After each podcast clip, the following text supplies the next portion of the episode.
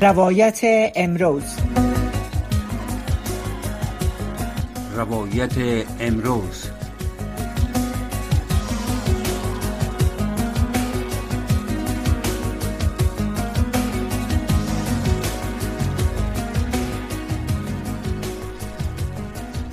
شنوندگان و بینندگان ارجمند روایت امروز با عرض سلام لیلا حبیب عزیمی هستم و دقایق چند همراه با مهمان عزیز این برنامه خدمت شما خواد بودیم.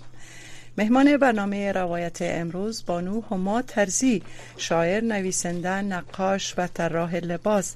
بانویی که با شخصیت چند بودی خود نه تنها نخستین شاعر بانوی است که پس از انتشار دو سه اثر از اشعار عروزی سرودن شعر سپید و نیمایی را آغاز کرده در افغانستان و تا امروز به این سبک شعر می سراید. ایشان نقاش ورزیده و هنرمند هم هستند که پنجه های هنر آفرینه دارد. در مورد سروده ها و کارهای هنری هما ترزی و تفصیل صحبت های داشتیم و مصاحبه های ویدیویی ترتیب کردیم که به زودی از طریق اینترنت صدای امریکا به نشر خواهد سپردیم. اما شما می‌دانین که دو سه روز قبل 8 مارچ روز جهانی زن در تمام جهان تجلیل شد و این در زمان تجلیل می شود که بانوان و زنان افغانستان در وضعیت اسفبار قرار گرفتن. می‌خواهیم که بحث در مورد وضعیت بانوان و محدودیت هایی که برایشان در افغانستان وضع شده با بانو ترزی امروز در میان بگذاریم. هماجان ترزی با سلام و ارادت خدمت شما خوش آمدین به روایت امروز. سلام عرض می کنم به شما و شنوندگان و بینندگانتان. خانم عظیمی از که از من دعوت کردین یک جهان سپاسگزار هستم ممنون شما که دعوت را پذیرفتین با وجود مصروفیت هایتان خب شما می‌دانین هما جان که زنان افغان با محدودیت های مختلف روبرو هستند از کار و تحصیل گرفته تا رفتن به اماکن عمومی مثل پارک ها ورزشگاه ها و حمام عمومی. همه این محدودیت ها زندگی زنان افغانستان را متاثر ساخته. برداشت شما از مش حکومت طالبان در قبال زنان افغان چیست؟ با شما خودتان گذشته مرا میدارین که همیشه من از بانوان یعنی دوشیزگان پیشتاز بودم و همیشه در راه آزادی زن جنگیدیم در وقتی که در افغانستان بودم بله. و همینچنین ادامه دادیم بله. این وضع برای من بسیار دردناک است به دلیل از اینکه کشوری که نصف وجود خود قبول نداره یعنی زن و مرد دو تا نصف وجود هستن که وقت در کنار هم میستن یا کشور به پیش می‌برن. بله. و در کشور ما با کمال تاسف نصف وجود انکار می‌کنن. و وقتی که شما بانوان از تحصیل و از مزایای اجتماعی محروم می‌کنین آینده مملکت چنان روشن نیست. و با کمال تاسف که در رژیم جدید که طالبان برگزار کردن افغانستان به سوی قهقرا و نابودی می‌برن.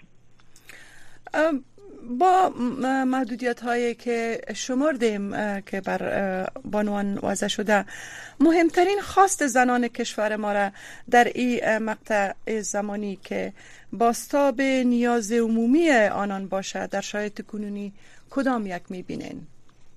دانش و تحصیل جامعه که ببینین فرزند اولی دانش خود از مادر خود یاد می‌گیره. بله. مادر که به تحصیل خدامه نتونه بده و در جامعه مفید نباشه حتی در خانه خود نمی‌تونه مفید باشه. و فرزندی رو که تربیه می‌کنه تربیه او فرزند ناقص است. و شما وقتی که نسل در نسل این ضعف بیشتر و بیشتر میشه و شما وقتی که تاریخ کشور ما رو می‌بینین در تاریخ تحولاتی که در تاریخ بوده وقتی که آزادی و استقلال زن در زمان علاج و تمالا خان داده شد هجاب برداشته شد تحصیل برای بانوان و دوشیزگان ایجاد شد. باز هم جهش نادانا و جاهلا بود که کشور به جهت دیگه بردن و دوری رسید که چون پدر و مادر من تحصیل کردی و در هستن. تحصیلات محرومشان کردن تا دوباره در دوری که زایل شد دوباره آمد. تحصیل ادامه دادن. اما باز هم هجاب بود که بعدها در زمانی که من هنوز مدرسه ابتدایی بودم او زمان داود خان دایشا رو وادار کرد که هجاب زنها رو برداره. اما به این صورتی که امروز است نبود. زنها تحصیل می‌کردن با چادری هم بود مدرسه خودم می‌رفتن و حتی دارالمعلمین بود که بعدا پانتون که آمد دیگه اجاب برداشته شده بود. به این دلیل در تاریخ ما همیشه دوره جهالت وقتی که میآید اولین حربهشان نابود کردن زن است و گرفتن آزادی زن. چون مثل که من اطمینان دارم به ای که زنها همو قدرت فکری رو دارن که مردا دارن و از مساوات فکری برخوردار هستن. به همین دلیل وقتی که شما این مساوات ازشان می‌گیرین خودتان پیشه و پای خودتان می‌زنین شما چقدر خوشبین هستین از اینکه در این قسمت تحول ایجاد شود و با کمک یا با فشار جامعه جهانی وضعیت زنان افغانستان تغییر کنه. من اعتقاد کامل دارم که اگر جامعه جهانی ما را حمایت می‌کردن امروز دوباره به دست طالبان نمیافتادیم. چون که کشوری که ظاهرا فقیر است. با تمام سرمایه نهانی که در وجود افغانستان است و این سرمایه ها را هیچ وقت بر نداشتن و به مردم ندادن و کار ایجاد نشد. همیشه کشور فقیر رو نگه داشتن و فعلا سرمایه ذهنیش هم ازش می‌گیرن. کشورهای خارجی نقش بسیار مهم دارن. چرا که دنیا را می‌دانید که چند تا کشور با قدرت است که میچرخانن و مثل مهرهای شطرنج با کشورها و سرنوشتشان بازی می‌کنن. من با که در امریکا زندگی می‌کنم اما هیچ وقت قبول نمی‌تونم بکنم که یک کشور مثل امریکا یک شبه افغانستان تنها می‌گذاره و به طالبان میده. مگر که خودش خواسته باشه چون قدرت طالبان در برابر نیروهایی که در افغانستان بود هیچ بود. چرا ایالات متحده فکر می‌کنین این کار را کرد و چرا فکر می‌کنین که طالبان را می‌خواست که به افغانستان بیاید؟ اگر نمی‌خواست اجازه نمی‌داد بله. من اعتقاد دارم. چون که بارها ببینیم ما دو تا همسایه داریم که هیچ وقت با ما خوشبین نیستن. یکی پاکستان است و یکی ایران. با تقسیمات که کشورهای غربی کردن فعلا با ایران کار ندارن. اما افغانستان همیشه دستخوش حوادث بوده. وقتی که من کودک بودم و ما را به پذیرایی رئیس جمهور امریکا ایزن هاور بود که به امریکا آمد. او زمان و یک شب رو به یاد دارم که یک داده از دوستان خانی ما بودن می‌گفتن که از جنابت قسمت کرد افغانستان به روس بخشید. و من اصلا نمی‌دانستم که چی میگن. از همون زمان بود که روسا شروع کردن به شهرسازی و کارهای کردن و, و بالاخره سرنوشتم که می‌دانین به کجا کشید. کشورهای با قدرت همیشه کشورهای فقیر و نادار و ناتوانه با سیاست هایی که در پشت پرده دارن به همدیگه تقسیم می‌کنن و هیچ قدرت نمی‌تونه که مردم خود او, او کشورهای ناتوان تصمیم برای خودشان بگیرن مگر که پشتوانی نداشته باشن چطور وقتی که بن لادن و بقیه در افغانستان بودن؟ چطور امریکا رفت اونا رو بیرون کرد و افغانستان دوباره به دست افغان شاید از نظر ظاهری سپرد؟ اگر نمی‌خواست نمی‌کرد. و من با تعجب می‌کنم که چرا این کار می‌کنن؟ چون سیاست هنوز فالو نمی‌کنم. از سیاست تنفر دارم به دلیلی که همیشه سیاست است که جدایی ها رو بین انسان ها بندازن اما سیاست مدارا حتما دلیل واقعیش رو می‌دانم اگر وضعیت جاری و محدودیت هایی را که بر زنان وضع شده اگر این وضعیت دوام کنه در کوتاه مدت چی پیامت هایی داره و در دراز مدت چی پیامت های خواهد داشت؟ در کوتاه مدت نسلایی که امروز در اونجا زندگی می‌کنن زجر کامل می‌برن از آزادی محروم میشن. و با شلاق و با زندانی کردن و با کشتن و با شکنجه هایی که وارد میشه و با محدودیت هایی که وارد میشه این بدبخت ها چاری ندارن. چی کار می‌تونن بکنن؟ کجا می‌تونن برن؟ اینا را در موقعیت قرار دادن که به خاطر یک تکنان فرزند خودم مفروشن شما در اون موقعیت فکر ندارین. اصلا قوه تخیل ندارین که در مورد سیاست فکر کنین یا بدانین که چی شده و مردم که به نادرین نگه دارین. هر بلایی که بیایه او رو میگن که خدا آورده. ما قبولش کنیم. به همین دلیل در تا مدت به این شکل میگذره. در طولانی مدت شما نصف مملکت به سواد است. نصف بقیه هم هر قسم که شما خواستین در فکرش افکار جا دادید و او مملکتش به طرف خوبی پیش نمیره. شما مشکلاتی که در شرق میانه هست بازی سیاست مدار شما ببینید یک روز سوریه را خراب می‌کنن یک روز عراق خراب می‌کنن یک روز افغانستان خراب می‌کنن. وضع ایران خراب کردن ملاها را آوردن و مردم میرن خود به کشتن میتن با آتش میسوزانن. اما تغییری با حال سیاست مدارا نکردن دلیلش چیست؟ واقعا من نمی‌دانم. فقط می‌دانم که ما بازیچه اینا هستیم و در طولانی مدت باز افغانستان به طرف بدی یعنی به طرف پایین میره. به طرف نادانی و جهالت میره. به طرف فقر میره. خب برخی از سیاستمداران و تحلیلگران بدین باورند که افغان ها لازم است که وضعیت خود را خود تغییر دهند و این تغییر از بیرون یا نهاد به وجود نخواهد آمد. به نظر شما مردم به خصوص مردان افغان در حمایت از زنان افغان چی کار می‌تونن انجام بدن تا طالبان دروازه های مکاتب را در نخست و دانشگاه ها را در ثانی بر روی دختران و زنان باز بکنند؟ مردان افغانستان وقت می‌تونن کار بکنن که اختلاف داخلی خود از بین ببرن. با کمال تاسف نفاقی که در افغانستان در طی این سالهای اخیر افتاده که برای من بسیار ناگوار است. موضوع قوم و قبیله و زبان و اینا رو آوردن که جدایی افتاد. افغانستان در زمانی که ما بودیم همگی می‌گفتیم افغان هستیم و یک سری زبان ها بود که فارسی بود و پشتو بود و ازبکی بود و تاجیکی نمیفهم یک چند تا زبان دگام که آنقدر بر مردم مطرح نبود.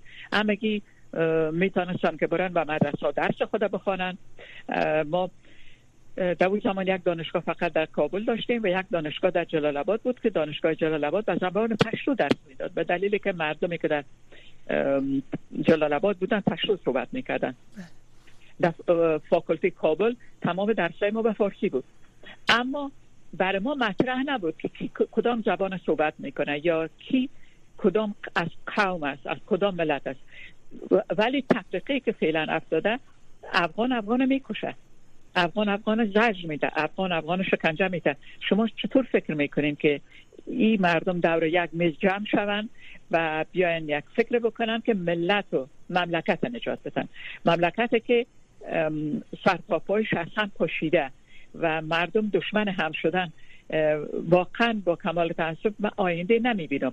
اما بازم میگم تلاش باید کرد. این تلاش به کجا میره؟ نمی‌دانم. اما مردای ما در طی سالها هیچ وقت زنها رو حمایت نکردن. ما تا به امروز نشنیم که یک مرد استاد شده بگه که من از فلان گروه زنها حمایت می‌کنم. مردا همدیگر حمایت کردن ولی زنها رو هیچ وقت حمایت نکردن. آیا با باور شما طبق گزارش ها و خبرهایی که تا, تا حدودی که شنیدین برخی از کشورهای اسلامی از یعنی در قسمت اعاده حقوق زنان افغان تلاش کردن. آیا با باور شما کشورهای اسلامی به اندازه کافی برای اعاده حقوق زنان افغان سعی در خرج یا خیر؟ من فکر نمیرم هیچ کشوری به اندازه که کار بر افغانستان کرده باشه نیست ببینین موضوع عمل نیست موضوع حرف است. بله اگر کشورها واقعا در سازمان ملل می آمدن استاد می شدن که یک کشور به نام افغانستان وجود داره و یک گروه وحشی در اونجا رفته و حق و حقوق زنها را می‌گیره شاید کار صورت می‌دادن. اما در با جلسات خورده که خود از اینا برقرار می‌کنن یا صحبت هایی که می‌کنن کار را از پیش نمی‌برن. و با کمال تاسف ملل متحد هم که فعلا تبدیل شده به یک سازمان بسیار بیروکراتیک که فقط کاغذ برای نیست و هزارها آدم استخدام میشه. چی کار رو پیش می‌برن؟ من تا به امروز یک چیز خارق از ملل متحد ندیدیم. طالبان میگن که زنان تا زمانی که همه شرایط برای کار و فعالیت هایشان مهیا شود باید انتظار بکشند. تا زمانی که بانوان بتونن به حقوق خود دست پیدا کنند و بیرون از چهار دیواری منزل کار و مشاغل خود را در اجتماع دوباره آغاز بکنند تا چی حد بر روحیه آنها و بر اقتصاد خانواده هایشان تاثیر خواهد داشت. تاثیرش بیش از حد است به دلیل از که حرف را که طالبان می‌زنن به اصطلاح ما میگیم حرف مفت است. شما وقتی که آزادی زن گرفتین میگن که اینا آماده شن آماده برای چی شدن؟ در, زمان در سالهای اخیر و حتی در زمان قدیمی که ما بودیم زنای افغانستان ثابت کردن که پا به پای مردم می‌تونن پیشرفت کنن. در فاکلته اکثر سنفار اگر شما در زمان نبودین شاگردای ممتاز دخترها بودن. و دلیلی که در حتی در ادارات یا زن شما می‌دیدین ده برابر یک مرد زحمت می‌کشید. برای اینکه حق رو به دست بیاره. شما این امتیاز بگیرین و در فکر خودتان بگوین که اینا به او زمان برسن که کار بکنن. من هیچ قبول نمی‌کنم بکنم و به طالبان هیچ اعتماد ندارم. چرا در زمان قبلم که آمده بودن بلاهایی که به سر زنا آوردن هیچ وقت نمی‌تونیم فراموش کنیم و حالا چی بهانه میارن؟ شاید با این حرفایشون می‌خوان کشورهای بین المللی کشور خارجی رو وادار کنن که کمک های مالی بگیرن. من باور نمی‌تونم بکنم. کسایی نیستن و بتونم بهشون اعتماد کنم. کسی که دانش قبول نداره شخص مورد اعتماد من نیست. بله. خب به نظر شما جامعه علمی و آموزشی افغانستان امروز با چی پدیده های رو بروست و معارف برای مشروعیت یا برای مشروع رسمیت شناختن و برای مشروعیت یک نظام تا چی حد حایز اهمیت است. به نظر من 99 درصد پیشرفت یک نظام روی دانش است. شما ایش زمامدار را که دانش نداشته باشه و کرسی زمامداری نباید بگذارید. و شما باور کنین وقت خاموش می‌کنم. وقت مثلا در فیسبوک یا یک, یک جای یک مصاحبه یکی از سران طالبان می‌گذارن بله. خجالت می‌کشم که حتی بعد از دو تا جمله دیگه ادامه بدم. اینا حتی شعور و فهم دین اسلام هم ندارن من ادیان کاملا مطالعه کردم. دین اسلام دین است که اگر شما واقعا بشکافین چیزای فوق خوب درش وجود داره. و اینا او شعور ندارن. اینا به او اسلامی که 1600 سال پیش بوده 1500 سال پیش بوده به او فکر می‌کنن با تفسیر و تعبیر خودشان. به اصطلاح هر چی که به نفعشان است او را به پای اسلام می‌گذارن و هر چی هم که به نفعشان نیست برو کاملا خاموش نگه میدارن.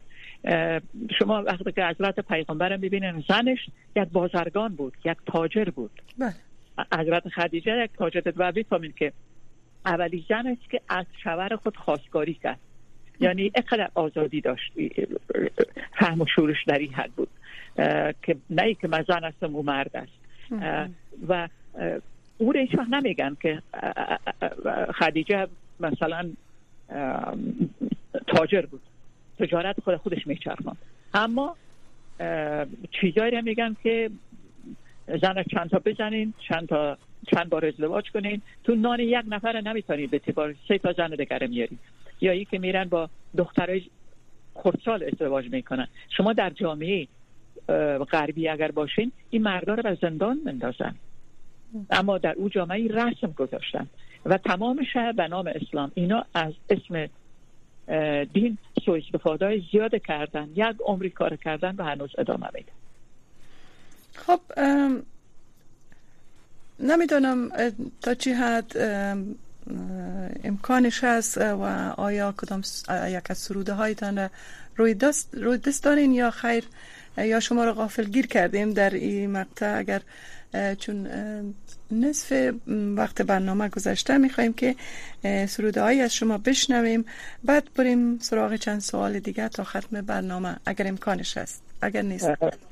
باشین و واقعا قافل گیرم میبخشین من اصلا باید به شما اما اگه یک یک دانه از کتاب بگیرم باز کنم. سروده افغان برای افغانستان زیاد دارم. اما ببینم که چی رو می‌تونم پیدا کنم. بسیار خوب. تا شما چیز پیدا می‌کنین من می‌تونم پرسش دیگر مطرح بسازم؟ یا ای که آماده است؟ باشین چیزم. ببینی یک در, در مورد آزادی فکر خودم می‌خوایم براتون بگویم. بسیار خوب. اقاب آزادی. بله. به عظمت اقاب ها میاندیشم و به پرواز پرماجرایشان. در آسمان های دور که شاخه های آزادی را در منقارشان با افتخار و با وقار حمل می کنند و به آسمان های آزاد برها شده از اسارت های پرقید و پردرد در سرزمین های خوب می سپارند به آزاد بودن موجهای طلایی در اقیانوسهایی به انتها می اندیشم که در کمال بیرنگی همه رنگ های زندگی را در آغوش پرمهرشان و ماهیان آزاد و پر امید می دهند و از ساحل های به لطفی و پر از خشون هزاران سال فاصله دارند به آزاد بودن می اندیشم و به دوام آزادی در ریشه فکرم یک فکر سالم و پرسمت که در آن به دنیا آمده زیسته و به آن افتخار می کنم این شعر بود که من در سال 2010 گفته بودم در آزادی افغانستان بود. متاسفانه در اون زمان هم خب می‌فهمیم مشکلات در کشور ما بود که همیشه ما بهش میاندیشیدیم. بله. تا امروز گرفتارش هستیم ولی برای من آمدن بار دوم طالبان یعنی شکستن کمر افغانستان بود. چرا که باور نمی‌کردم. هیچ باور نمی‌کردم. می‌گفتم او دوره گذشت او وحشت گذشت. بگه تمام شد. اما بار دومش یعنی واقعا کمر خودم هم خورد کردم. بله. شما به عنوان یک از زنان فرهیخته زنانی که روشن فکر بودین در وقتی که انوز افغانستان آرامش نسبی داشت چی خاطرات از زمان کاری خود از برخورد خود با جامعه دارین؟ اگر بازگو بکنین یکی از خاطراتتان یکی از تجربیاتتان در زندگی کاریتان. بله. ببینین در افغانستان من خب تا زمانی که در فاکلته بودم بله. هم کار می‌کردم هم در فاکلته بودم. درست. و واقعا تن آزادی رو ما چشیدیم خانم عظیمی. در او زمان اولی که از آزادی بیان برخوردار بودیم از آزادی تحصیل برخوردار بودیم. لباسی که ما می پوشیدیم با دنیای غرب هیچ فرق نداشت. نشست و برخواست ما هیچ فرق نداشت. کتاب در اختیار ما بود تحصیل در اختیار ما بود. در ادارات کار می‌کردیم باور کنین من چون در اون زمان دختر 18 ساله بودم 18 ساله 19 ساله می‌رفتم بر رادیو کابل. بر رادیو کابل واقعا اونجا به مجله بود به نام مجله پشتون شهر که مثل سالهای بعد شد به نام مجله آوا. من افغانستان نبوده اون زمان. این مجله که تقریبا از روز زیاده میای اشعار بر چاپ می‌کردن تا آخر. و باز وقتات من خبرنگاری بر از اینا می‌کردم. مثلا استاد حامد نوید که فعلا فکر می‌کنم در ویرجینیا هستن. بله. اولی مصاحبه من ایشان کردم. او زمان آمد جان به احترام پدرشان شعرشان منتشر نمی‌کردن فقط نقاشی کنن. و خودشان برادرشان و ما نقاشی هایشان گرفتم و معرفی کردیم و گرداننده مجله آقای بود به نام آقای ناصر تهوری که شاعرای معروف ما بله. هستن بله. که ایشان چقدر محترمانه رفتار می‌کردن آقای استاد لطیف ناظمی در او زمان در رادیو بود بله. و چقدر پشتیبانی ما بودن یعنی اجتماع ما به زنها احترام میگذاشت شما می‌دونید بسیار یک موضوع مهم است احترام گذاشتن. و کاری که ما می‌کردیم ممانت وجود داشت. ما برای روزنامه کاروان اونجا یک انجمن داشتیم به نام انج... اسلام گرد جوانان که شکرالله کوگدای گردانندش بود. آقای کشککی و آقای واله اصلا متصدیان اصلی روزنامه کاروان بودن. چقدر با احترام چقدر به حرمت. از همه ما اینا تشکر می‌کردن ما رو دعوت می‌کردن در جلسات. و ما واقعا که یادم با وجود که سن سال نداشتیم. حرفای بسیار کلان کلان رو می‌زدیم. بسیار بسیار کتا کتا می‌گفتیم و تصمیمات ما منتشر می‌شد. از کار ما تقدیر می‌شد و شاگردان ممتاز جایزه داده می‌شد. و البته می‌کنم شوخی و اینایی که در فاکلته بود یا مثلا چیزایی که بود اویش من ممانت درش نمیدیم یک چیز طبیعی بود جوانا داشتن نه. بله. اما در مملکت مملکت به یک جهت خوب داشت می‌رفت و خاطرات خوش آنقدر زیاد است از دوران تحصیل و از چون با دوستان حالام در تماس هستیم بارها وقتی میشنیم مثل بگیم این خواب و خیال بود گذشت مثل یک پرده سینما گذشت اما مثل میخ محکم بود که در نهاد ما گذاشته شد. و همون دلیل وقتی که در امریکا ما آمدیم هر کدام ما روی پای خود استوار هستیم. بسیار عالی. خب پیام شما برای زنان افغان که با همچو شرایط دشوار امروز روبرو هستند باعث یک زن فرهیخته یک شاعر و نویسنده چیست؟ من پیامی که می‌تونم بتونم از دوری خود منیش اما وقتی که این سخن از جالب مادرم میگم مادرم در زمان امال خان تحصیل می‌کردن و وقتی که بچه سقب آمدن اینا رو از تحصیل مانع تحصیلشان شدن و در زم چادری به سرشان کردن و و حتی ای که یک دختر جوانه می‌دیدن اینا به زور می‌رفتن که با دختر خواستگاری کنن و با اونا ازدواج کنن. بله. و شرایط بسیار سخت بود. که مادر مجبور شد و نواسی کاکایش دروغ گفته بودن که نکاح کرده و بعد از این می‌خوای آرزی کنه. قماندان سقب رفته بود که با مادر من مثلا ازدواج کنه. شما فکر کنید با اون شرایط سخت. اما مادر من همیشه میگم میگم ما امید از دست ندادیم.